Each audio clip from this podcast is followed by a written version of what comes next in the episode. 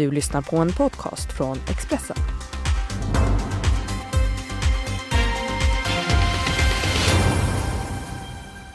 Federgate och skyttegrav. Nu är det väl tvärkört för en framtida allians. Vad har Moderaterna emot SVTs Agenda och Vinterstudion? Och vad är en 3D-klitoris? Det får man veta när man lyssnar på Politikpodden med mig Malin Ros som idag har med två personer i studion som inte har träffats så här så många gånger tidigare åtminstone, men som är väl bekanta med varandra från sociala medier, inte sällan i rätt så syrliga ordväxlingar på Twitter. I ena ringhörnan Jens Liljestrand, författare och biträdande kulturchef på Expressen. Tjena Jens! Hej, hej! Och Hanif Bali, moderat riksdagsledamot och en pålitlig åsiktsmaskin får vi säga. Välkommen också du Hanif. Tack så hemskt mycket. Hur känns det att träffas så här? Jättebra! Vi har ju träffats förut. Vi såg så här nyligen på, på det här uh, Hur kan vi uh, teatergrejen på, på Odenplan Så vi sågs då och hade. Och då vill jag komma ihåg, påminna om att jag eh, tog stackars Jens i försvar när han blev totalattackerad av, eh, av eh, Aron Flam. Mm. Så, så backade jag upp honom när jag tyckte Aron var lite för elak mot, mot Jens. Jens har även backat dig på Twitter ska vi säga. Men vi ska, vi ska bara lyssna. Ja, här i Expressen har jag backat. Vi ska lyssna hur det brukar låta, eller kan låta annars när ni, när ni pratar med varandra på Twitter. Haha, jag hade missat det här. Jens Liljestrand tror att den bilburna köttätande mannen är vit. Alla iranier-snubbar spottar ut kebaben ur sina vita BMWs och bara Are we white now? Tack för klicken Hanif. Jens Liljestrand, Reaktionär politiker trollar vidare. Hanif, Förlåt, vad i min beskrivning är felaktig? Jens, Du kallar Gardell för komiker inom citationstecken. Hanif Bali, Okej, är det att trolla? Är motståndet mot Guds argument i yttrandefrihetsfrågor reaktionärt? Jens Liljestrand, A. Ja. B. Nej. Epitetet syftar på ditt twittrande generellt. Hanif Bali, Okej, nu inser jag att du bara trollar med mig. Inte alls faktiskt. Inte jag heller, faktiskt. Jens, Det var väl ditt Putin-fiaskande som fick Moderaterna att lägga munkavle på dig. Hanif, Förutom att det i sak är helt inkorrekt, så undrar jag vad som föranledde den här tonartshöjningen. Inte fått i dig frukosten än?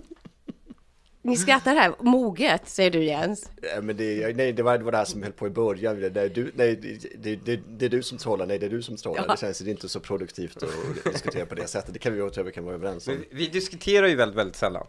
Ja, det gör vi faktiskt. Alldeles, alldeles sällan kanske. Ja, Mm. det, Men vadå att ni snoppar av diskussionerna för snabbt? Eller Nej vad? men det, det, det initieras aldrig en diskussion. Alltså, jag, jag skulle ju inte ens ehm, säga att eh, Jens är de som, eh, han är ju inte den som är elakast och inte heller den som är snällast såklart. Men, men vi har väldigt sällan en diskussion med varandra, eh, vilket är märkligt. Jag har oftast det med, liksom 99% av alla interaktioner jag har med folk på, på nätet, är ju oftast diskussioner. Du ser ju några sådana här sluggerrundor, men det är typ bara sluggerrundor mellan oss eh, av någon anledning. Men du, den här slugger, senaste då, när, när du plockar upp den här kebab, eh, kebab-tweeten, om vi kallar den för det, då var det ju, det är nästan en, he, det är nästan en år gammal krönika. Ja, jag hade helt missat den, den bara dök upp i flödet. Så Och då jag du, nu jäklar. Nej men jag tänkte, jag, jag skrattade ju för det var så roligt för jag upptäckte ju att Jens Liljestrand har aldrig träffat en invandrare. Det var ju det som var humorn. Alltså, han tror på riktigt att det är den vite mannen som kör bil. Herregud, har du träffat alla iranierpappor där ute? De vägrar ju sätta sin fot i en buss eller något sånt. Men vi levde på socialbidrag, vi hade fan inte mat på dagen, men farsan skulle envisas och köra runt i sin bil i alla fall. Det är liksom, eh, och, och just det här med köttätandet, herregud, har du varit i en kebaberia någon gång? Och det är ju det som blev humorn i det hela, då den här chockerande insikten att Jens har aldrig träffat en invandrare. Jens har träffat en invandrare, gissar jag här nu. Är ett, ett par stycken. Eh, Jag har hantverkare som är från Iran, så att eh, han, han, han kör BMW, så det är helt, helt korrekt. Men, men, eh, men eh, det Då här, är den stora frågan, är han vit? Ja, det, det är väl en definitionsfråga var, var, var, den gränsen ska dras. Men det där var ju en krönika som var ironisk. Jag har ju aldrig menat att vita män ligger bara, att, att växthuseffekten bara är vita mäns fel. Eller att bränderna i somras som var på ämnet för den här krönikan bara skulle vara vita mäns fel. Det var ju ett sätt att initiera en diskussion kring att när det brann i somras så vill alla peka finger på någon, att det är invandrare som har utomhusgrillar eller det är det ena med det tredje, det är folk som tänder på i skogen. Och då sa jag, då kan vi lika gärna säga att det är vita mäns fel eftersom vita män i världen är de som driver reaktionär politik mot klimatförändringar. De- Klimatförnekare är väldigt ofta vita män, till exempel äldre vita män är de som Är det så? Jag menar, om man tittar på vilka de länder som till exempel pumpar ut mest, eh, släpper ut mest koldioxid per capita är ju länder i Mellanöstern. De som pumpar upp oljan är ju länder i Mellanöstern. Du länder De en är- ganska liten befolkning som du räknar per capita där. Hörni, Ja, Iran hörni, har inte en liten befolkning. Lindstedt, vi ska faktiskt inte gå ner och liksom analysera alla tweetar ni har. Men det handlar inte om eh, Twitter, för jag vill, jag vill, jag vill borra ner, Ja. för det finns en viktig, viktig poäng här, nämligen Kör den då innan vi går vidare. Ehm, om vi ska diskutera just den här konsekvensen av att etnifiera alla konflikter tror jag är en dålig idé. Jag tror du, det, det är du också, men just det här att man öppnar upp och pratar om vita män kanske framstår som lite så här edgy, vita män, de är som privilegierad position, de drabbas inte av det. Men om man öppnar upp den formen av retorik så är det ju inte vita män som kommer drabbas av det. Utan om det blir legitimt att anklaga hudfärger eller kollektivisera handlingar utefter hudfärger eh, och gradera människor efter hudfärger, då är det människor som är mer lika mig än lika Jens som kommer bli drabbade. Eh, och det är just sådan retorik jag, jag, jag, liksom, jag invänder väldigt, väldigt mycket starkt emot, att kollektivisera baserat på eh, yttre saker som till exempel hudfärg. Ja, där fick Hanif Bali ställa sin följdfråga då som du inte fick svar på på Mm. Twitter av, av Jens Liljestrand. Jens, om du, vad, vad känner du är outrett? Vad har du för fråga som du inte har fått svar på i sociala medier av eh, Hanif Bali? Eh, jag undrar ärligt talat, det här som hände för ett år sedan när du, när du la ut på Twitter ett mail som Patrik Oxen hade med UD. Du tog ju bort den här tweeten, alltså du la upp en skärmdump från ett mail som mailkorrespondens mellan Patrik Oxen, en Putin-kritisk journalist som han hade med UD. Du tog bort den här tweeten, tog bort den här bilden, du bad om ursäkt, du bad också Patrik Oxen om ursäkt, så det är jättebra. Och fick lämna Moderaternas Och för lämna partistyrelse. partistyrelsen. Senare så framkom att du hade fått det här brevet då, det hade du fått av Chang Frick på Nya Tider. Men Nej, då- inte nya tid. inte det. Ny, nya tider är en... Nyheter idag, förlåt jag blandar Ja. ihop det. Nyheter idag, ursäkta, Nyheter idag, Chang Frick Nyheter idag. Ja, absolut, tack. Nyheter idag, Chang Frick, hade, du- hade gett dig ett brev som du la upp på i so- sociala medier. Mm. Uh, jag, jag fattar aldrig varför. Och nu har du bett om ursäkt för det så Ja. det är bra nog. Men Nej, men jag- att det, är vi kan- det är ändå intressant varför. Absolut. Ehm, så orsaken var ju varför jag blev tvungen att betala ett pris för det, är för att jag inte var öppen med att jag hade fått det från Chang Frick från första början. Och det sa jag inte, och det får jag med osanning om. Det var egentligen därför, om jag hade bara... s- Varför ett- gjorde du inte det då? Därför, ja, men som journalist måste du förstå att det kanske inte är så Källa. himla kul att lämna ut sin källa. Samtidigt så har jag ju inte det grundlagsskyddet som krävs eh, för att inte behöva göra det heller. Och, och det är ju ett jättestort problem för mig. Jag får ju massor av tips från medborgare, poliser, till och med journalister har till och med så här, ja, ah, jag fick inte göra någonting på det här, här har du det. Eh, så, och då vill jag ju inte, out- första jag gör bara, när DN ringer och säger Tja, vem har du fått det här av? Ska jag bara outa det direkt? Och felet jag gjorde var ju att jag inte sa, jag borde, och det är ju min amatörhet i det hela, jag skulle ju sagt, det är en anonym källa, istället för att säga att nej men jag bara hittade det i flödet, för det, är ju, det, är ju, det var ju inte sant. Och det var ju det jag fick betala priset för. Men om vi bortser från hela den aspekten, tycker du att det annars så, så tycker du alltså att det är helt reko liksom att lägga ut Patrik Oxelens mejlkorrespondens med UD? Men det var ju, det var ju en offentlig handling. Jo men alltså varför gör man det? Därför, jag vis, därför min stora fråga var, ett så hyllade jag Patrik för artikeln. Det är ju om man läser den tweeten, jag tyckte, det var, jag tyckte det var en väldigt bra artikel och jag skrev väldigt bra artikel. Däremot så tyckte jag det var märkligt att UD sålde in intervjuer med, med folk. Och tydligen är det väldigt, väldigt vanligt. Och det har jag fått reda på i efterhand. När det gäller just Putin-kritiska Men det var inte bara krig, utan eh, det är ju så att UD i saker som de anser är då i våra utrikespolitiska intressen så säljer de in nyheter till eh, de opolitiska staben, alltså säljer de in nyheter och intervjuer och opinionsbildning. Och det visste jag inte man gjorde och det, det är ju för sig, det hade ju varit otänkbart att göra i Alltså i inrikespolitik, till exempel att de opolitiska tjänstemännen sålde in ehm, nyheter. Känner du nöjd Jens? Definitivt. Ja, härligt, härligt. Hanif eh, Bali, hur ofta skriver du tweets som du raderar innan du skickar? Oj, alltså jag är ju faktiskt, eh, jag, jag, har, jag känner någonstans att jag har vunnit ganska mycket liksom. Många av de här fighterna är tagna, många av mina meningsmotståndare är också ganska decimerade, några är till och med inte ens kvar på plattformen.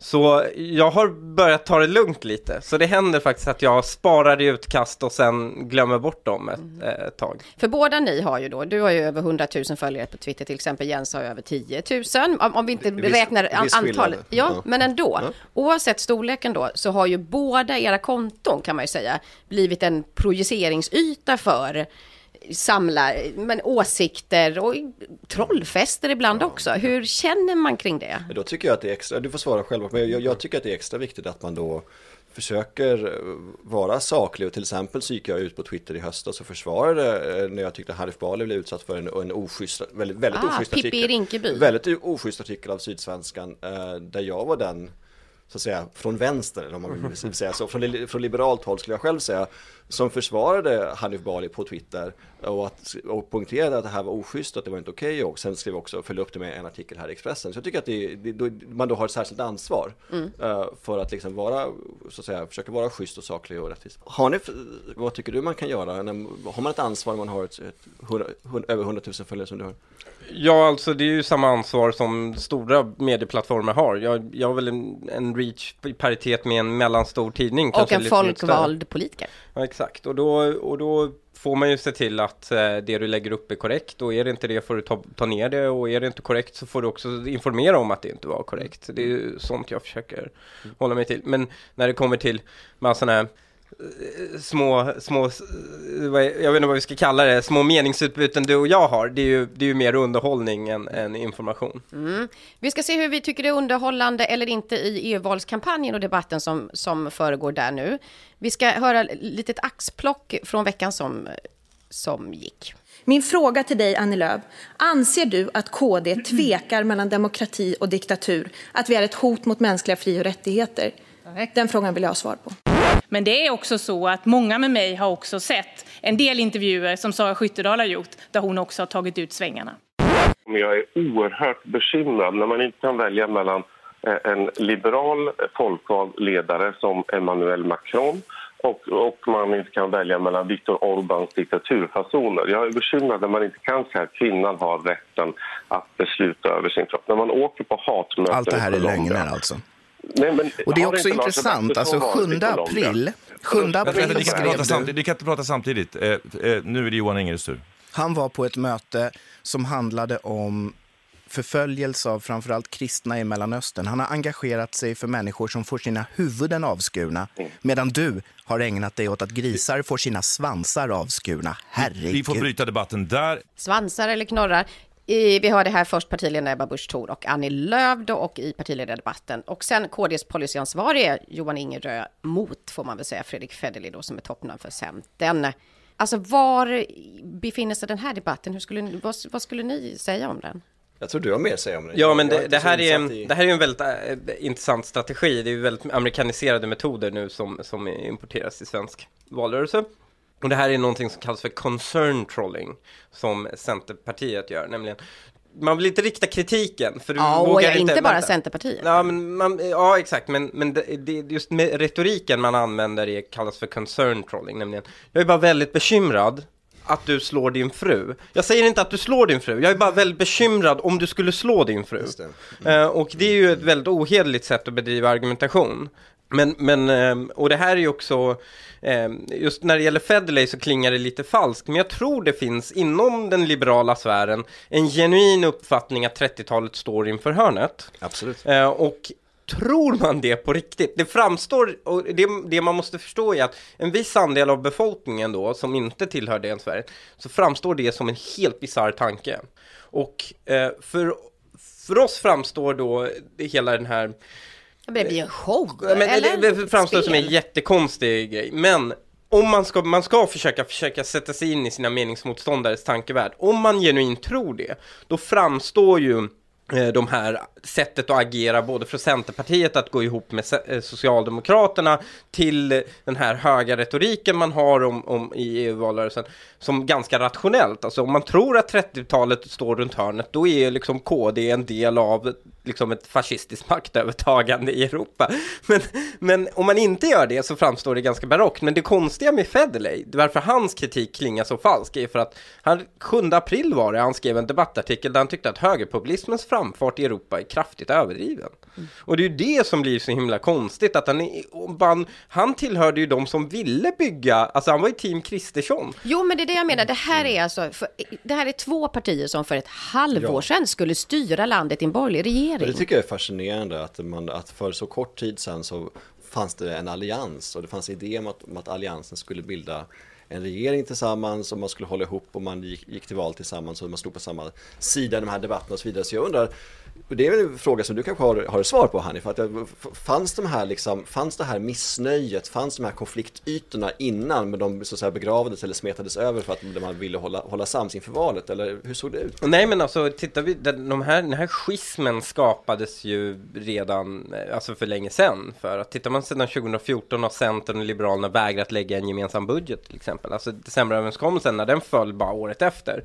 så blev det ju en schism då mellan M och KD och COL, nämligen Anser man att till exempel högerpopulismens framfart är en effekt av misslyckad politik eller är det en effekt av normalisering eh, och, och retorik? Eh, och, och den schismen mellan egentligen en ganska konstruktivistisk syn på samhället där liksom alla konflikter är konstruerade retoriskt eller där det är den här ganska materiell syn på verkligheten när eh, det är reella politiska problem som föder fram politiska rörelser.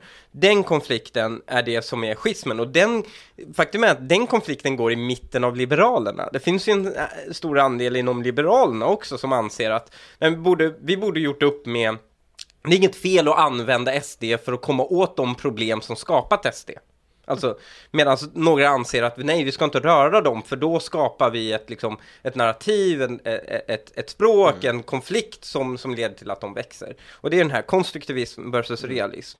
Och där kan man ju se nu till exempel på Danmark som går till val nu den 5 juni och som har de senaste tio åren har haft en drakonisk, dels demonisering av muslimer och sen en enorm högerpopulistisk våg. De är nere på 1600 asylsökande tror jag i fjol, som är alltså en femtedel av Sveriges eh, siffra per capita. De har färre asylsökande per capita än Liechtenstein i Danmark. I Danmark är ett land där man konfiskerar flyktingars smycken, man pratar om att placera eh, kriminella asylsökande på en ö. Nej, eh, kriminella, ja, det är eh, utvisning. Utvisning, utvisade exakt. som Ja, exakt förlåt. Ehm, och eh, där har man ju, där har ju för- förvisso Dansk Folkparti tappat, men där har ju nu de här skogstokiga eh, stram, stram kurs, säger man på danska, stram kurs. Eh, med den här, eh, alltså rent fascistisk retorik som nu an, antas komma in i, i Folketinget, så det hjälper ju inte. Så jag tycker att det exemplet är ändå ganska varnande. Ja, fast det, det, det, man får ju se hur stora politiska krafter de är då. Och tittar man på, jag tror inte, alltså, särskilt Danmark, dansk demokrati står ganska stabilt. Jag tror inte det, det finns någon, någon stor risk för att den ska, den ska falla inom kort. Däremot så tittar man Tittar man på hur de andra nordiska länderna har hanterat sådana här rörelser är ju delvis försöka ta bort det underlaget som, som, som göder sådana här. eh, Och det har funkat i Finland, det har funkat i Norge och nu någorlunda funkat i Danmark. I Danmark har man ju haft den här lyxpositionen DF har och SD också vill ha, nämligen vägra sitta i regering men sitta och bestämma alla frågor i parlamentet. Ja, vi går tillbaka till valrörelsen här då. Jag läste en ledare i Bor- Borås tidning var det väl, som konstaterade att det var den sämsta valrörelsen typ ever, i mannaminne i alla fall. Eh, beskrev den som grisbrottning och floskel-SM. Eh, jag säger inte att, att det är floskler du sysslar med på Twitter, men ändå hårda, i- i- ibland ganska grova tweets. Nej, ja, men, Ja. här, Jo, men typ ett gillar du det här? Gillar, finns det någonting i, det här, i Nej, dig som den här valrörelsen har varit supertråkig. Jag älskar sakfrågor och, och det är egentligen det jag vill liksom när, ja, men när, när omvärlden blir löjlig så blir jag ju löjlig med den såklart. Men, men i grund och botten är jag en policy-snubbe och det är, frågar man människor med kanske lite mer insyn i riksdagsarbetet skulle de också säga det. Och det är därför den här valrörelsen är så himla tråkig. Det är så himla lite policy och det är så himla lite konflikt om policy. Och det är ju för att det inte är ett policyval. Det här är ju en mobiliseringsval. Alla ska sjunga till sin kör, liksom predika för sin kör så kören börjar sjunga. Och, och det är ju därför liksom alla är riktade inåt. Och då signalerar man med, det enda man gör, de politiska konflikterna man tar, är ju att signalera till sin egen grupp. Jag är med er. Jag gillar inte KD, jag är liberal, jag är ditten och datten. Men du, en som du gillar i alla fall, det gav du uttryck för i din egen podcast här förleden. Vi lyssnar. Och jag är väldigt glad att det går bra. Särskilt Sara Skyttedal som jag tycker jättemycket om liksom och, och så. Jag, fan, jag Önska henne all, all vällycka i valet, verkligen. Liksom Sara är ju skit, skitbra. Fan, till och med jag, det rycker lite i mig att vilja kryssa henne också liksom. Eh, och sen när någon anklagar dem för högerextremism och sånt, då, då istället för att bara beklaga sig så ger de tillbaka också. Medan liksom den moderata varianten på det hade väl varit att så här, ja, men vi ställer oss och håller något högfärdigt tal om hur viktigt det är att bevara demokratin och, och så vidare och försöka ursäkta oss själva att vi inte alls, minst sagt, inte är antidemokrater och, och så. Mm, rycker i det och kryssa KD. vad, vad hindrar dig Hanif Bali? Eh, det är Skyttedal väldigt bra. De, de kandidaterna längre ner tillhör ju den vänsterfalangen enligt Aha, mig. så du vill inte ha in dem, frikyrkliga? Så, ja, eh, jag vet inte om de är frikyrkliga. Alltså, men det, det är trevliga typer, David Lega och, och, och Lisa-Marie och så. Men eh, de är, tillhör... Det här är ju konstiga med KD. De har ju retoriskt lagt om partiet väldigt mycket och jag är väldigt imponerad över det. Och det är det som de får. De tar konflikter och inte bara i EU-frågan utan verkligen i det inrikespolitiska. När Ebba Busch Thor går ut och säger myndighetsvänster och står Mm. på sig. När hon går ut och tar konflikt om kv- kvinnors trygghet i Uppsala och står på sig. Mm. Men policy är de ju, alltså de, det här är ju vänsterflanken av alliansen. KD har alltid varit vänsterflanken och KD är ju en förkortning på kostnadsdrivande för de är så liksom välfärd, de är ju, de är välfärdens röst i alliansen på något sätt. Är de det längre, Jens?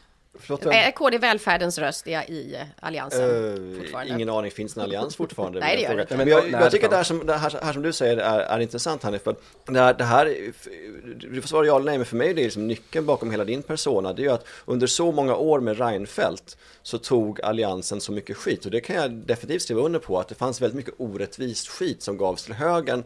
Eh, Men när, när Fredrik Reinfeldt började prata om liksom etniska svenskar mitt i livet så blev han utskälld för att vara rasist, för att påtala att det, faktum är att de flesta, alltså arbetslösheten gäller inte etniska svenskar mitt i livet framförallt. Och det var också en felsägning, en uppenbar. Ja. Han sa etniskt födda svenskar mitt i livet. Jo, det här med att Tobias Billström sa volymer, det var Ja, också ja. jätterasistiskt och så vidare. Och att, och att det här fanns liksom en...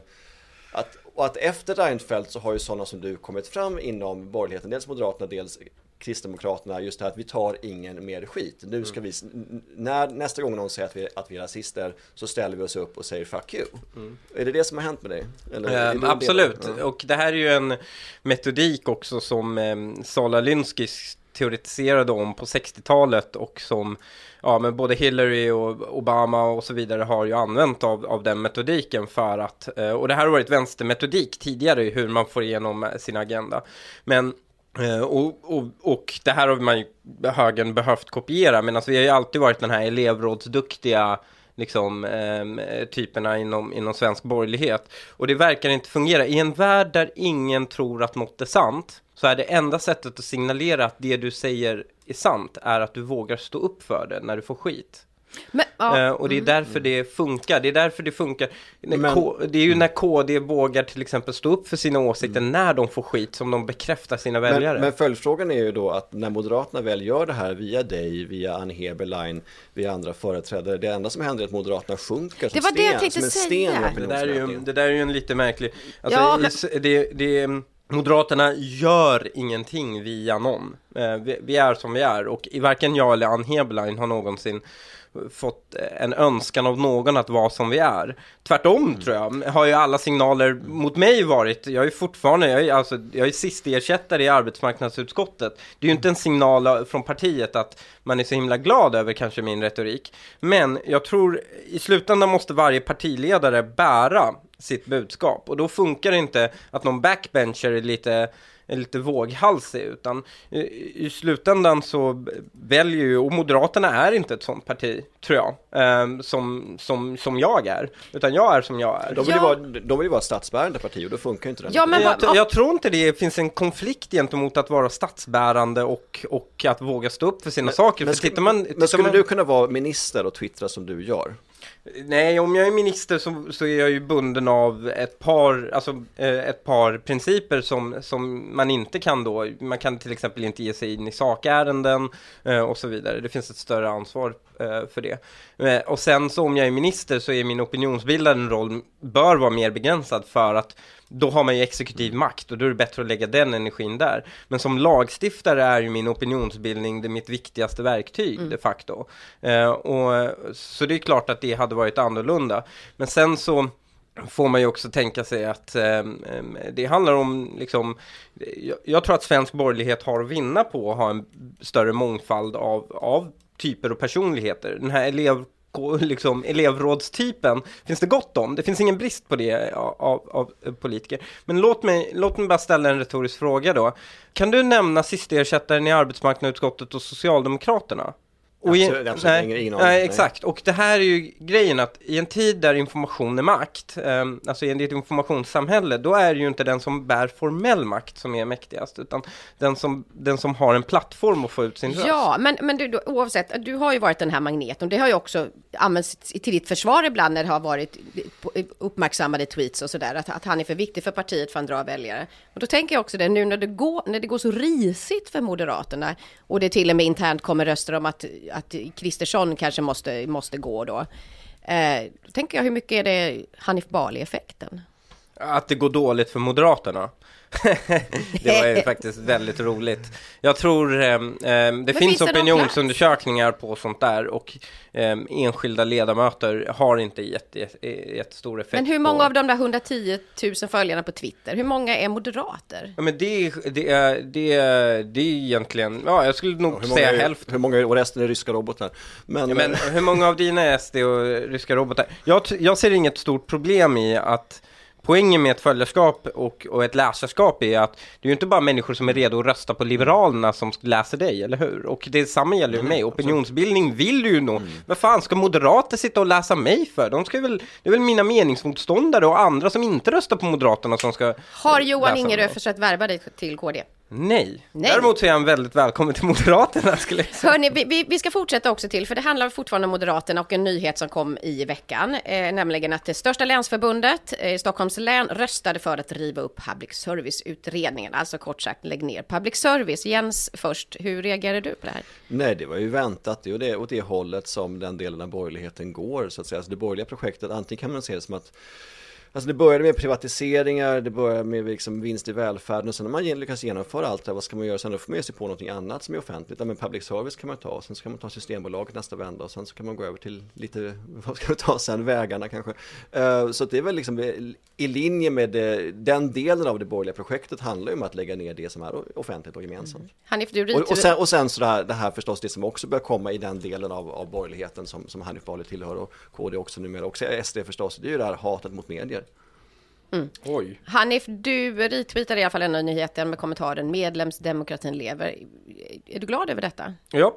Ehm, Men du ja. var inte med och röstade ju. Det, det Nej, här, det var för jag det är ju ett år sedan ungefär som riksdagen med bred majoritet, Ja. inklusive Moderaterna, röstade för en skattefinansierad public service. Exakt. Varför var du inte där och röstade? Eh, Jag kunde inte vara där just den dagen, men, Men det- om jag frågan tycker, är så viktig. Jag, ja, den är väldigt viktig. Jag tycker eh, det var ett felaktigt beslut för att Eh, jag har i princip ingenting emot att skattefinansiera public service om man ska ha en public service. Snarare så bör det vara anslagsfinansierat och inte någon separat skatt här tycker jag. Eh, däremot så är det, tycker jag, en väldigt märklig ordning, nämligen man ger pengarna först och sen ska vi nästa år ha en utredning om vad public service ska syssla med. Det är ju, oftast gör man ju tvärtom, nämligen man säger vad de ska syssla med och sen så, så, så ger man liksom eh, medlen. Och nu har man ju de facto redan sagt vad de ska syssla med. De ska syssla med allt de sysslar med just idag för att man ger dem ganska, en väldigt, väldigt stor. Men det stora problemet jag har med public service är, nej, det finns en förljugenhet inom svensk borgerlighet om att åh, på 80 och 90-talet då liberaliserade vi radion och tvn och allting öppnades, åh, vi var på rätt sida i historien.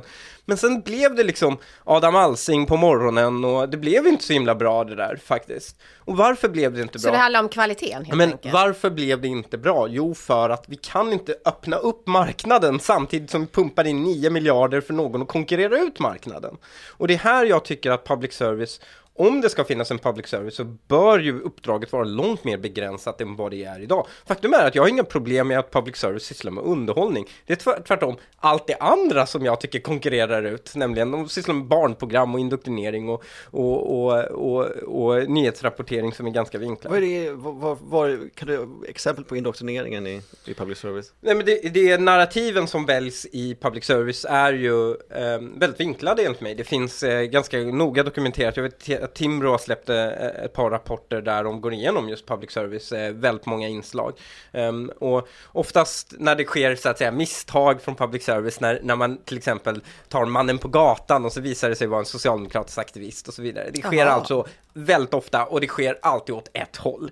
Eh, alla de här Så det finns en konspiration på- det, på det, public det behöver inte vara en konspiration. Du behöver inte ha en konspiration för att någon ska ske. Det räcker med en bias. Det räcker med att tillräckligt många människor i en institution tycker och tänker ungefär lika, kommer ungefär från samma samhällsklass, bor ungefär på samma ställen innan de börjar tycka och tänka lite lika. Och Men man får inget- åtminstone höra rösterna för runt om i Sverige. Ja men det är väl jättebra att de får göra det och ingen säger att de inte skulle göra det om andra aktörer. Varför? Alltså att Expressen sysslar med radio är ju väl liksom jättebra. Ja, för då får du vara här. Du ser, privat verksamhet som också kan syssla med kvalitet. Hörni, vi ska innan vi avrundar den här, vi måste hinna få med det också. Kastar ut frågan, vet ni två bägge herrar vad en 3D-klitoris är? Och det är inte, inte en tredje klitoris. Nej, precis. Så att det hade- här varit något. blivit Det här förvånad. men- Jag har aldrig träffat en 2D-klitoris. Men vi lå- vi De låter- flesta är 3D faktiskt. Vi, vi kan få en förklaring på det här.